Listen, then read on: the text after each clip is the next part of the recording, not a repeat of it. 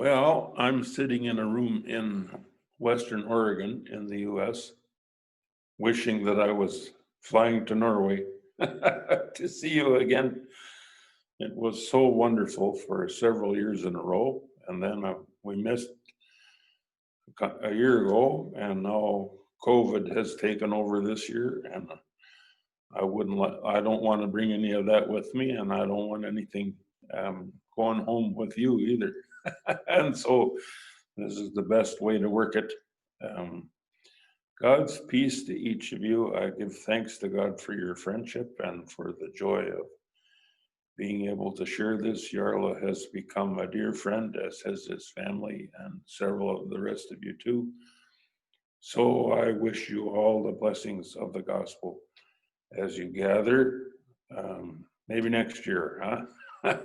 next year in Bergen, we'll see what happens. God is good and he will lead us through whatever. Um, Luther took the phrase, Christ, the end of the law, from Romans 10:4. Writing in New Testament Greek, uh, the Apostle Paul describes Christ in these terms. He is telos nomou, he is the end of the law. The word end, hmm, like the Norwegian word end and the English word end, is capable of different interpretations. There's a sense of termination. He is the stopping of the law. There is also a sense of fulfillment. He is the one in whom the law is finally fulfilled. huh? And so, as Luther hears it, the two words go together. Because Christ has fulfilled the law, he has terminated it, he has stopped it. And so, what we want to do is work through this and see how, particularly the Apostle Paul, or particularly Luther, is using these words. This became a slogan of the Reformation. Luther loved the sense of stopping, but he was also convinced that Christ is the fulfillment of the law, and just because he's the fulfillment of the law, he's terminated it. Hmm. But he uses the words in a very special sense and in a very special way. And so that's what we're going to explore here. We'll try to have some fun with it so that you can enjoy yourselves a little bit. You we've been friends for a long time. You know that I entertain myself by messing around while I lecture. It's gotten me gotten to me me into some trouble occasionally, but but I say um, uh, heresy and boredom go together. Huh? And so when we rejoice in Christ Jesus, we can have some delight in Him and in His goodness. So, um, Paul's claim that Christ is the termination of the law is part of a whole argument in his writings in which he relativizes, that is, reduces the law to a provisional quality. Christ is the end of the law. He's uh, the Christ Jesus has reduced the law to a provisional standing so that it holds um, a limited authority. So um, the, the argument is very simple. If Christ Jesus saves, he alone saves, the law can't do that. If Christ saves, the law can't. If Christ Jesus is the way, the truth, and the life, then the law isn't and can't be. There are no two of those. There are no two ways and truths and life. There's one. That's Christ Jesus. And so the law has been kicked out of its chair. Huh? If the law um, was given for a good purpose, it was given for a provisional purpose. And so we see in um, Galatians how Paul likes to insult the law. huh? the law was given through a mediator. Christ came uh, flat forward, uh, right to us. And so um, the law was is the rude pedagogist, the rude disciplinarian, the rude uh, servant hmm, who goes with the kids to school and keeps them in line, pulls their ears and spanks them with a ruler and generally herds them towards school. Uh, you, you've seen this. Some of us unfortunately remember it. Uh, getting the getting the discipline of the teacher for messing around too much, right? So the law is not the teacher. The law is not the professor. The law is not the principal. The law is a disciplinarian that's been retained to keep order in the classroom so that the teacher can teach. hmm? And so Paul generally, uh, throughout the epistle, throughout his epistles, um, can't find enough ways to insult the law. He wants to bring it, it's for sin. hmm? It was not given for righteousness, but it was given for sin. It was given for discipline. It was not given to teach. It was given to keep at order in the classroom so teaching could happen, right? And so Paul, this is the Christ, the end of the law, is um, the, is part of this whole argument. The law that the law was not given for righteousness. hmm?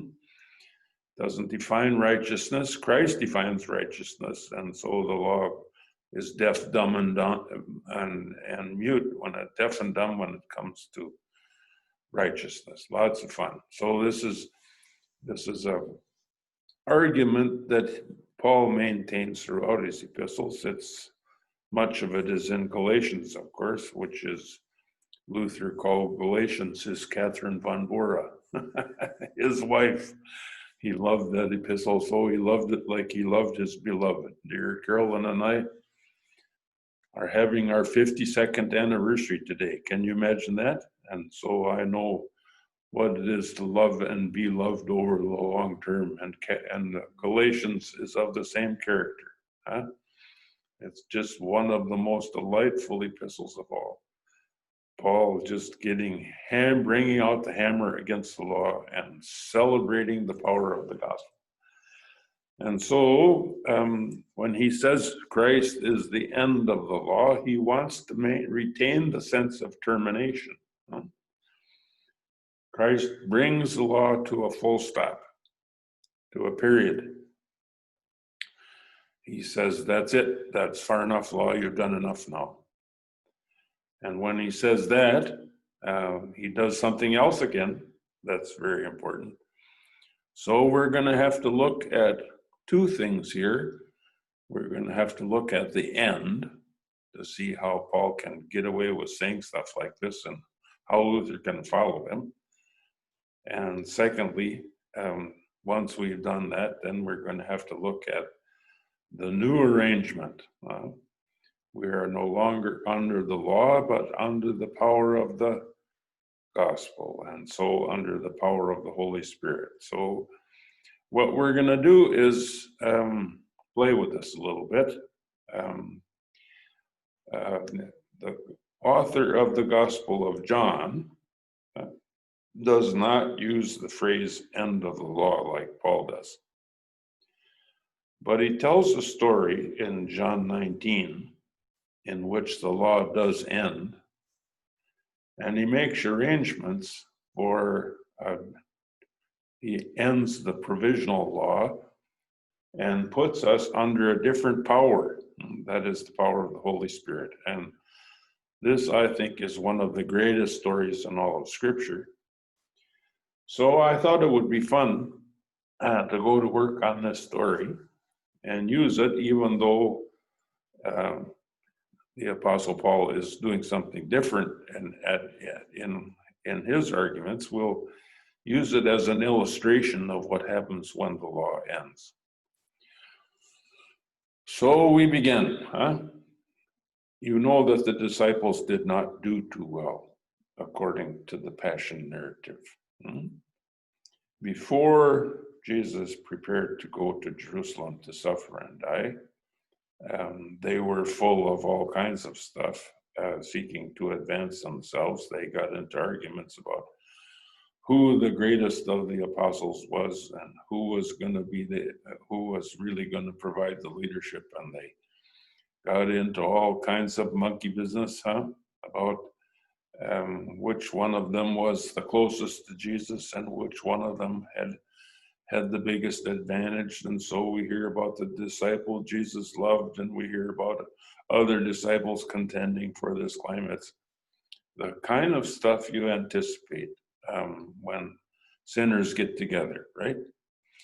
And and so um, as we see the story starting of the passion starting to move towards an end, uh, things get more and more serious, and the disciples have greater and greater trouble. Huh?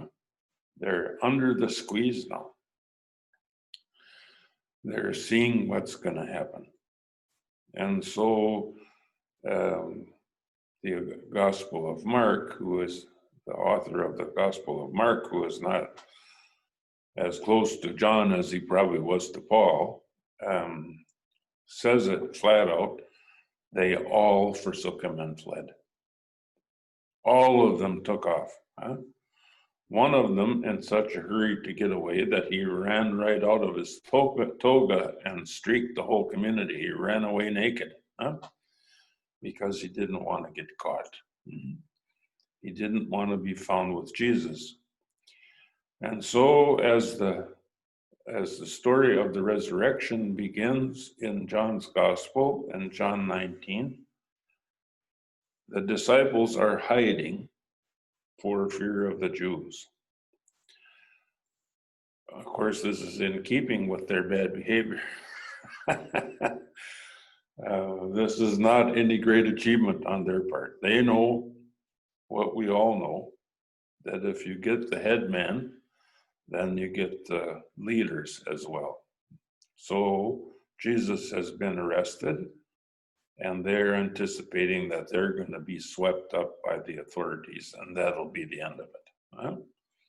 So they're hiding. Hmm?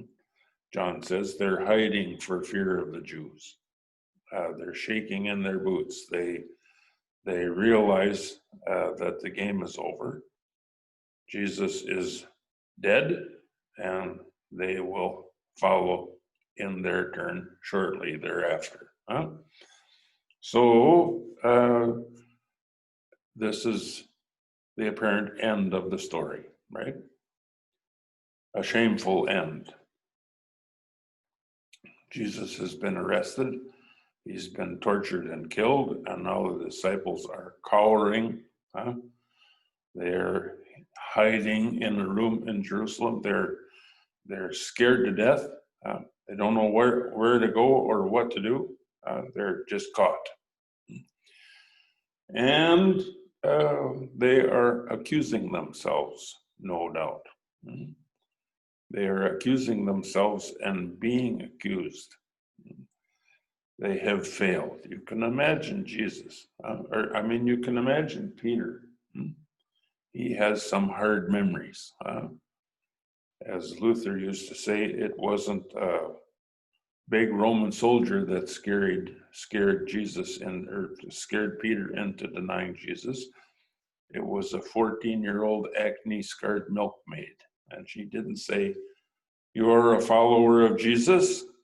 She said, Aren't you from Galilee? Doesn't your accent give you away? You sound like a Norwegian American. I mean, she figures he's betrayed himself just by his speech. And when Peter hears that, what does he do? Well, he jumps up and down and denies, I don't know him, I never saw him. See, he's he's now and now that's the memory that he has in mind as he sits in that room wondering if the if the authorities are going to catch up with him. Huh? He's being accused. He's being accused relentlessly not because Jesus has shown up, not because uh, you know, the officials have shown up, but because he remembers his failure. Hmm? You remember how Jesus uh, worked him over? Simon Peter, do you love me? Oh Lord, you know that I love you. Don't ask that question again. Peter was grieved because Jesus asked him the third time, Do you love me? Well, he's being accused. He's under accusation, and the other disciples as well. All of them, they all forsook him and fled. They didn't stand with him valiantly, confessing their faith. They went down one by one, shamefully, shamelessly. And now, um, hiding, hmm, having time to think, to reflect, now hiding, hmm, they remember. And as they remember, they are accused hmm, by their own sense of themselves. They're accused by their own consciences. Nobody else is standing there with a pointed finger. Their consciences are smarting. They're, they're hurt. Now, this is the law. The law is whatever accuses. Luther says, whatever accuses has the office of law. In this age among sinners, the trademark of the law, its identifying characteristic is its capacity for accusation. When you experience accusation, you are experiencing the law. When you have the sense of betray, having betrayed someone, hmm, your spouse or one of your kids or a sister or a brother or a friend, when you have that sense and feel accused by it, hmm, that's the law for sure. Hmm, that's what the law does. Lex semper accusat. The law always accuses. That's its characteristic power. And that's its characteristic trick that it can turn even a beautiful, warm summer afternoon into an accusation. Huh? You're enjoying the, the warmth, you're enjoying a lovely day with friends, and all of a sudden you think, Do I deserve this? Should I really be enjoying this? What about the people who are not enjoying this? And all of a sudden, the law is hammering away at you. Or you are enjoying your family together for the holidays, and all of a sudden, you remember something that you thought you'd forgotten. Hmm? Something comes lurching into your mind with a pointed finger. That's the law, accusing. Hmm? That's what it does. So, the disciples are being accused. Hmm? They're being accused by their consciences. They're being accused by their, their sense of themselves that they have betrayed, that they've let Jesus down. And so this is the law, and this is the power of the law. Now, this is the beginning of the Christian church. A bunch of guilty disciples hiding in a room, scared to death that the Romans are going to find them. this is the apostolic succession. Huh? This is what happens if you count on human powers, it all goes in the hole, right? They're scared to death. You know, there's a big discussion of why why Jesus just walked in on them, why he didn't stand at the door and knock. Huh? You know, that great painting, Behold, I stand at the door and knock. Well, he didn't do that here because he knew what would happen if he knocked. Uh, there'd be uh, 10 disciples piled one on top of the other in front of the door to make sure he couldn't get in. if he had knocked, there would have been a laundry bill. Huh? For all the disciples, they would have been just sick with fear, huh? overwhelmed. They would not have been capable of letting him in. So he knocks. He doesn't knock. Uh, he goes right through the wall. He goes right through the barrier. And when he enters the room, he says the most surprising thing of all. Hmm? This is what he says Peace be with you. I'm not sure I'd have said that if I was Jesus, but thank goodness I'm not. Jesus enters the room, he goes right through the door, right through a closed door, right through the barrier. And when he gets in, he says this Peace be with you. Hmm? Not only that, not only that, he says it again. He says it twice. Peace be with you. Undoubtedly, he knew, as we do, that the first time they heard it, the disciples wouldn't be able to believe it. He knows also hmm, that they are guilt ridden and fearful. And he knows it's not gonna that it's gonna take twice, even for him. Huh?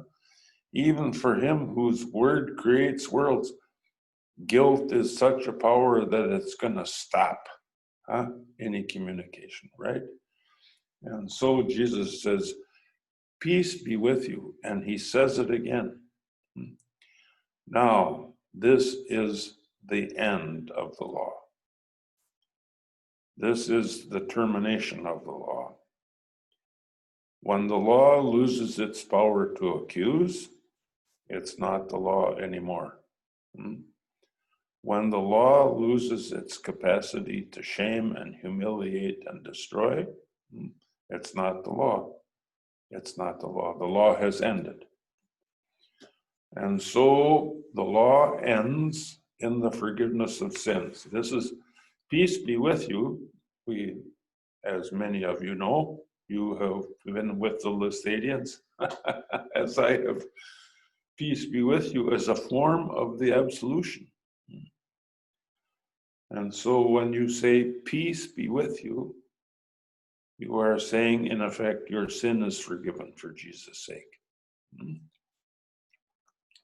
God give you peace. So the benediction, I, I, when my ears are always in tune when I hear the absolution and the benediction. The Lord bless you and keep you. Hmm? The Lord make his face shine upon you and be gracious upon you. The Lord lift up his countenance upon you and give you what? Give you peace. Hmm? This is Christ now speaking. He's blessing you. And when he blesses you in this way, the law ends. Hmm? It's lost its power. Hmm? It can't accuse you anymore. Its mouth is stuffed. It has to shut up because it's lost the capacity to accuse. Christ has taken over. Christ has taken over. Hmm?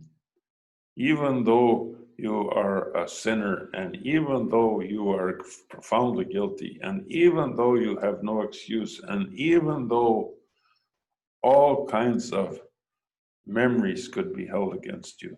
Huh? When Christ says, Your sin is forgiven, when Christ says, Peace be with you, He is blessing you, and He is blessing you with the hope of the gospel. Hmm? He is releasing you from everything that could be held against you. So, in your heart of hearts, you might say, But I betrayed him. In your heart of hearts, you might be, say, But I have these memories of sins of my youth. Or you might say, I remember how I fought with my spouse. Or I remember how I was harsh with one of the children. Or I remember how I hated my brother. Or I remember my sister who was a pain in the backside. Hmm. No, no, no. Peace be with you. the law has lost its power to accuse you. And when the law can't accuse you anymore, it's dead. It's lost. Now, Luther doesn't use the word dead. What he says is, when it can accuse you, it's gone in vacuo. It's gone into a vacuum. It still conceivably could accuse you, but its power to accuse has been stopped. Its power to accuse has been discontinued. So it can't accuse you anymore. Now, it could conceivably come back, but as long as Christ Jesus is holding you, it's not going to. Because Christ Jesus now has and holds the power of the law, and he's struck it, he's bound it, huh? he's enclosed it so it can't get loose and point its finger at you anymore. It's done, it's stopped, it's dead. Hmm? No, this is very important, of course. Because what we celebrate as a Christian church and what we celebrate as Lutherans, particularly, is the end of the law. Hmm. I remember one of my favorite memories of being a father hmm, was my oldest son. Um, got some money from his grandmother to go to a movie. Hmm. And when he went to the movie, he kept the change and bought some candy. Hmm. And when he came home, he didn't have the money left over that he should have. And he came to his grandmother and said, hmm, they changed the ship. But grandma asked right away. Grandma's now 101, but she hasn't lost a lot, I'll tell you. This was 20 years ago, 30 years ago, maybe. But she, uh, when he came, she said, Did you get any change? He gave her the change, and she said, But that's not enough. And Andy said, Well, they changed the price, the cost of the tickets. So this is what it was today. he lied so easily, that snake. Huh? He lied to his grandmother. He should have known better. he might get by with it with me, but not with her, not for a second. So um, grandma called the theater and said, How much are you charging for tickets today? And it was the same price. And so when Andy came by again, she and, and grandma said, Andy, I called the theater and they told me what the ticket cost. It was the same as it always does. and he knew that he'd been had, huh? But he still wanted to get by with it, huh? But you don't get by with it with grandma. Hmm? She had him dead to rights. And when he realized he couldn't escape, he started to cry. Hmm. I lied to you, Grandma. And of course, you know what Grandma did? Hmm. When he confessed his sin, she forgave him. Hmm. He learned more than he, I think that was one of the big lessons of his whole life. Well, this is what Christ does. He knows that the accusations against us are just.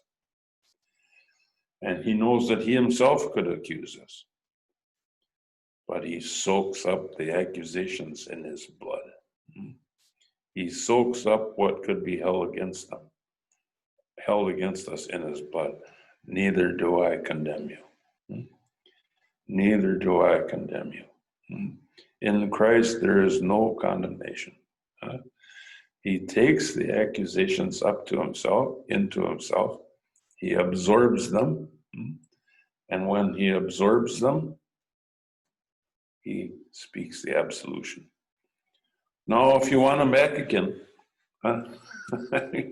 he'll fight you for him. Huh? If you want him back, if you want to get your sins back again, you'll have to talk to him about that. They're in vacuum, they're held in vacuo. Uh, they can come back to accuse you. Huh? But not as long as Christ is holding you. Hmm. As long as Christ is holding you, the law has stopped. That's the end of the law.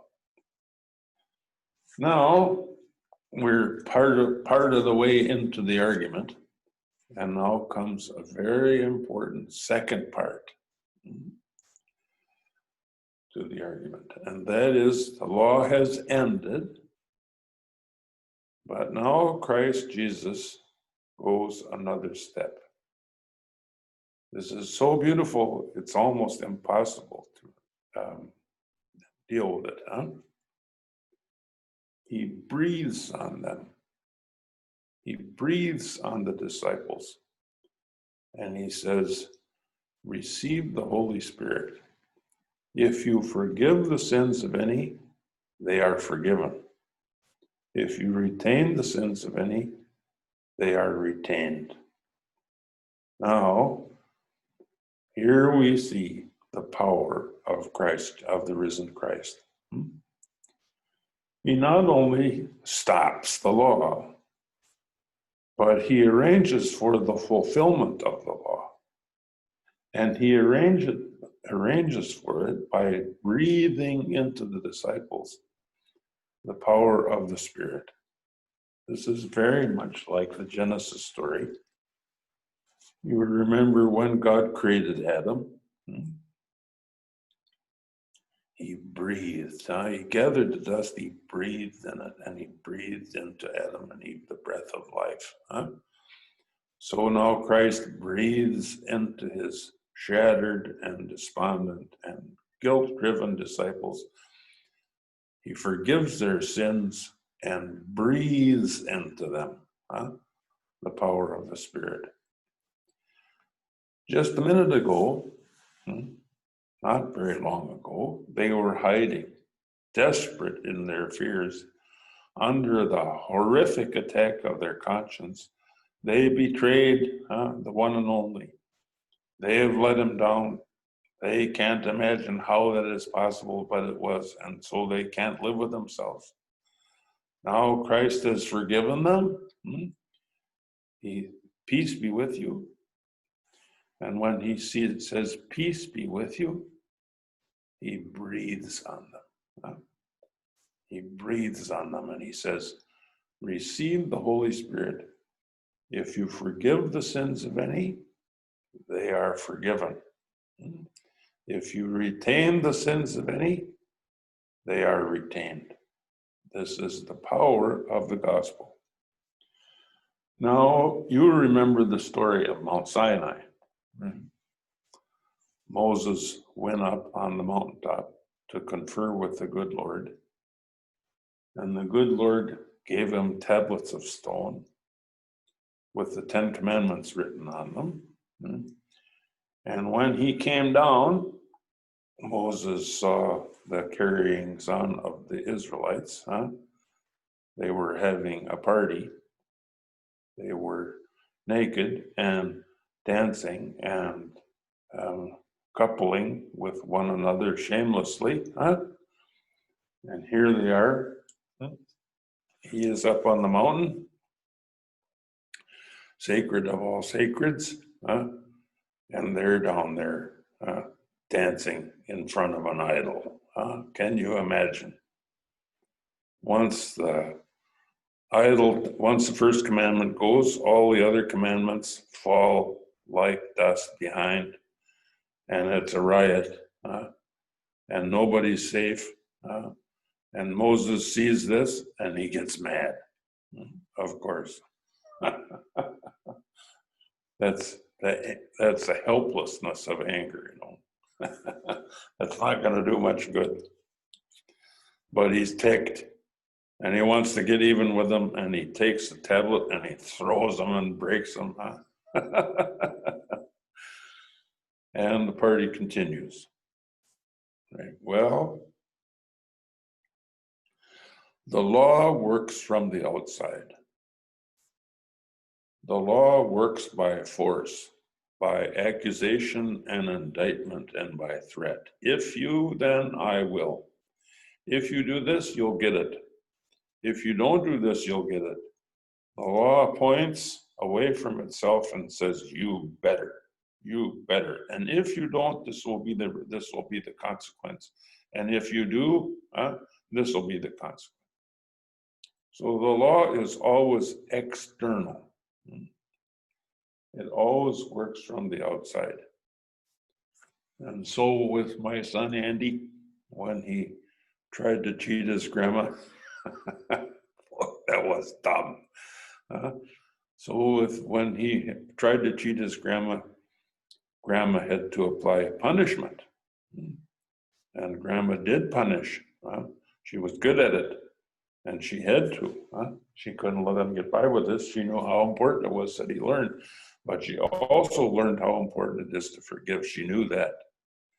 So he got a double lesson. Hmm. Moses, right now, is not talking forgiveness. Moses is furious.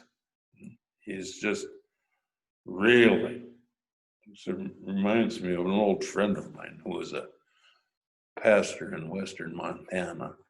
He was one of the great pastors I ever knew. he said, when Moses when Moses came down the mountain, he was embarrassed. That's why he was wearing a veil over his face. He thought he was going up there to get the gospel, and all he got was commandments. And so he was humiliated. and when he saw the, the Israelis, the Jews dancing with all their might, he just got furious huh? and started to yell, Well, this is how the law works. It always works from the outside. Here's the difference the gospel works from the inside. Receive the Holy Spirit. The Holy Spirit works through the Word, hmm. the Word of the gospel, and takes hold of the heart. The Holy Spirit creates faith hmm when and where he pleases in those who hear the gospel. Huh? The Holy Spirit creates faith. And when the Holy Spirit creates faith, it works from the inside. So this is really fun. Hmm? This is really interesting. When Jesus breathed on the Holy on the disciples, he didn't give them a handbook. He didn't give them a list of rules and regulations. He didn't tell them, no, when you make disciples of all the nations of the earth, this is how I want you to do it. When he when he gave them the authority to forgive sins, huh? He didn't say, you can forgive these sins, but not those. Hmm. There's no rules here. He breathes on them and says, receive the Holy Spirit, and because he because they've received the Holy Spirit, they're being gripped from it within they're being gripped in the heart. And being gripped in the heart, rules and regulations are beside the point. My wife and I have been thinking a lot about our anniversary. Of course, 52 years, that's a long time. You know, you could get that for kidnapping, huh? I didn't kidnap she went voluntarily and she still is. She hasn't kicked me out yet. I'm so thankful. I mean, I love her with my whole heart. it's just joy unending. Well, when we got married, she didn't hand me a list of rules and regulations. She didn't, and neither did her father. I, I would have probably um, wouldn't have blamed him because I was a little bit of a wild kid when I was younger, and I I suppose he was plenty worried. He could have handed me a list of rules. He didn't. Huh? He didn't. I loved him with my whole heart. He was just fabulous. he didn't hand me a list of rules. I remember when he said goodbye to us before Carolyn and I left for our honeymoon. I remember him weeping. Hmm. When I think of that now, it just touches me way down in. He loved his daughter with everything in him, and he knew I did too. And so when he handed her over to me, when we drove off together, he wept with joy. And so did we. Uh, you can't imagine that no rules, no regulations, no restrictions, no no obligations. The heart is gripped. And when the heart is gripped, the hands and the feet follow. So receive the Holy Spirit.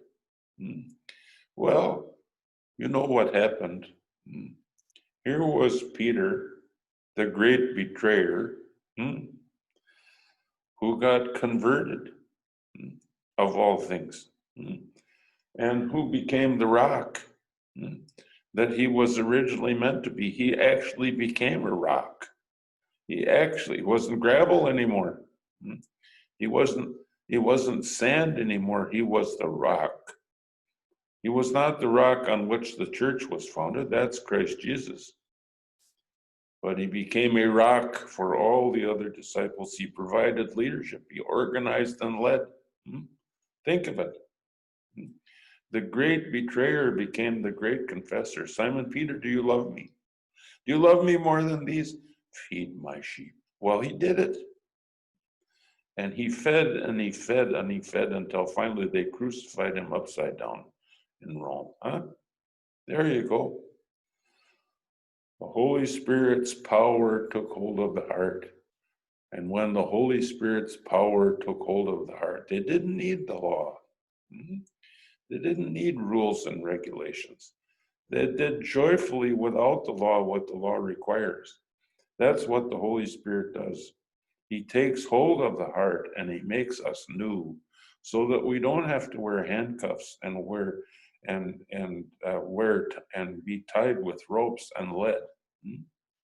The Holy Spirit takes over the heart, and when the Holy Spirit takes over the heart, we can live with joy and thanks. Of course, of course, it's always possible that that won't happen. Of course, of course, we can tell stories of people who say they've got the Holy Spirit and don't know the difference between the Holy Spirit and stomach gas. Huh? Of course, we know um, that it's possible that people who are possessed of the Spirit become sinners. We know that's true. We know that's true. We know that's true because they tell us.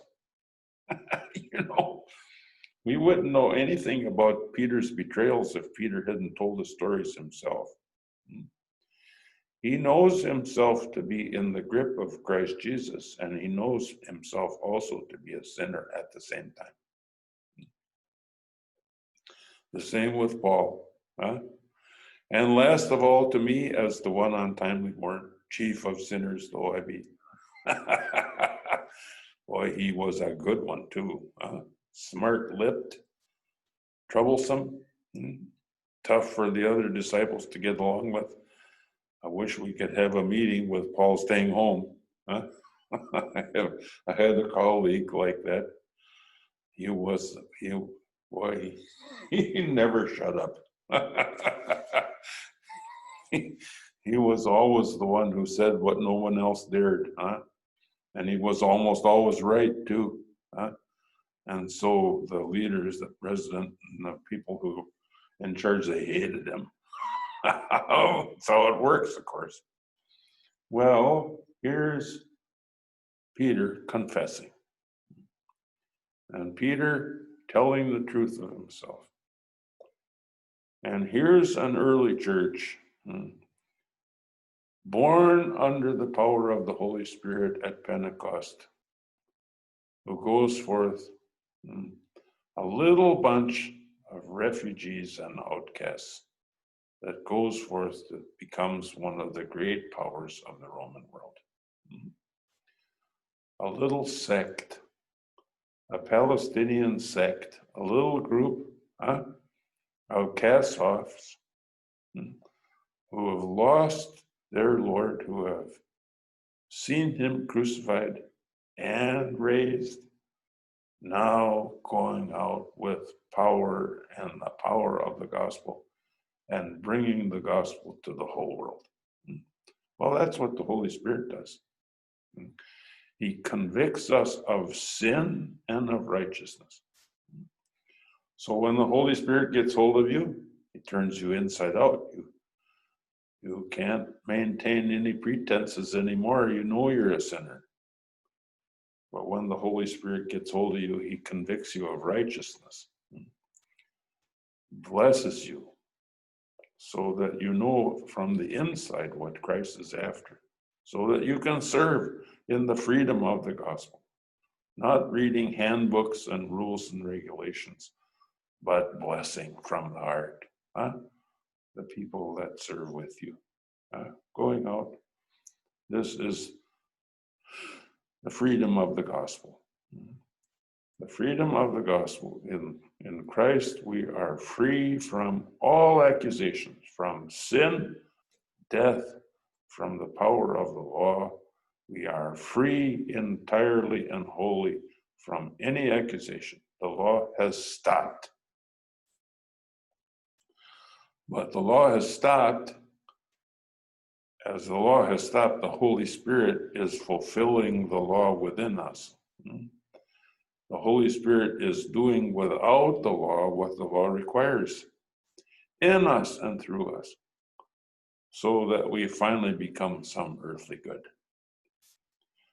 Now we can sew around the edges a little bit here. We can say, if you go back to your sins, you live with the consequences. And we can say, if you think you can get by with it, the law will come back again. And we can say that if you don't, if you're of no service, you're of no use. Huh? Lukewarm, right? But we're not going to say that hmm, because this is just about as good as it gets. Hmm. Luther, in his freedom of the Christian, writes the Christian is completely free. Hmm. Completely free. You are free from the law. It has ended. But free from the law, you are free under the power under the power of the Holy Spirit to be some earthly good, to be of service. So the end of the law is one of the great slogans of the Lutheran Reform. Makes people mad. Hmm? People say, the end of the law, all right. they say those Lutherans just want a party. Hmm? You'd think it was a COVID uh, escapade in the US the way they carry on. No, no, no, no. Foolishness. Huh? The law we are free from the law. The law has ended so that we can be of service. Huh? So that rather than reading handbooks and rules and regulations, we can bear witness to Christ Jesus and hand over his benefits to any and all. What a joy. Well, I wish I was there with you hmm. so that we could take some time to play with some questions. I know you'll have some. Hmm? And I hope that sometime I can come back and we can eat some rømmegrøt and tell stories about the Norwegians in America. We're still alive, you know. And we still think we've just taken Norway a little bit further west, Vestlandet. Huh? but it's nice to come home even in a box in a film. And it's nice to see you again, even though I have to look at you through this camera. And I have such wonderful memories of you people. Golly, it's been fun to visit with you. So, God's peace.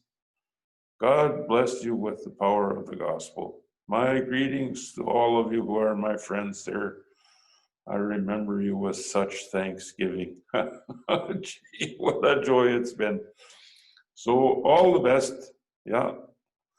and we'll see you in another year. God's peace.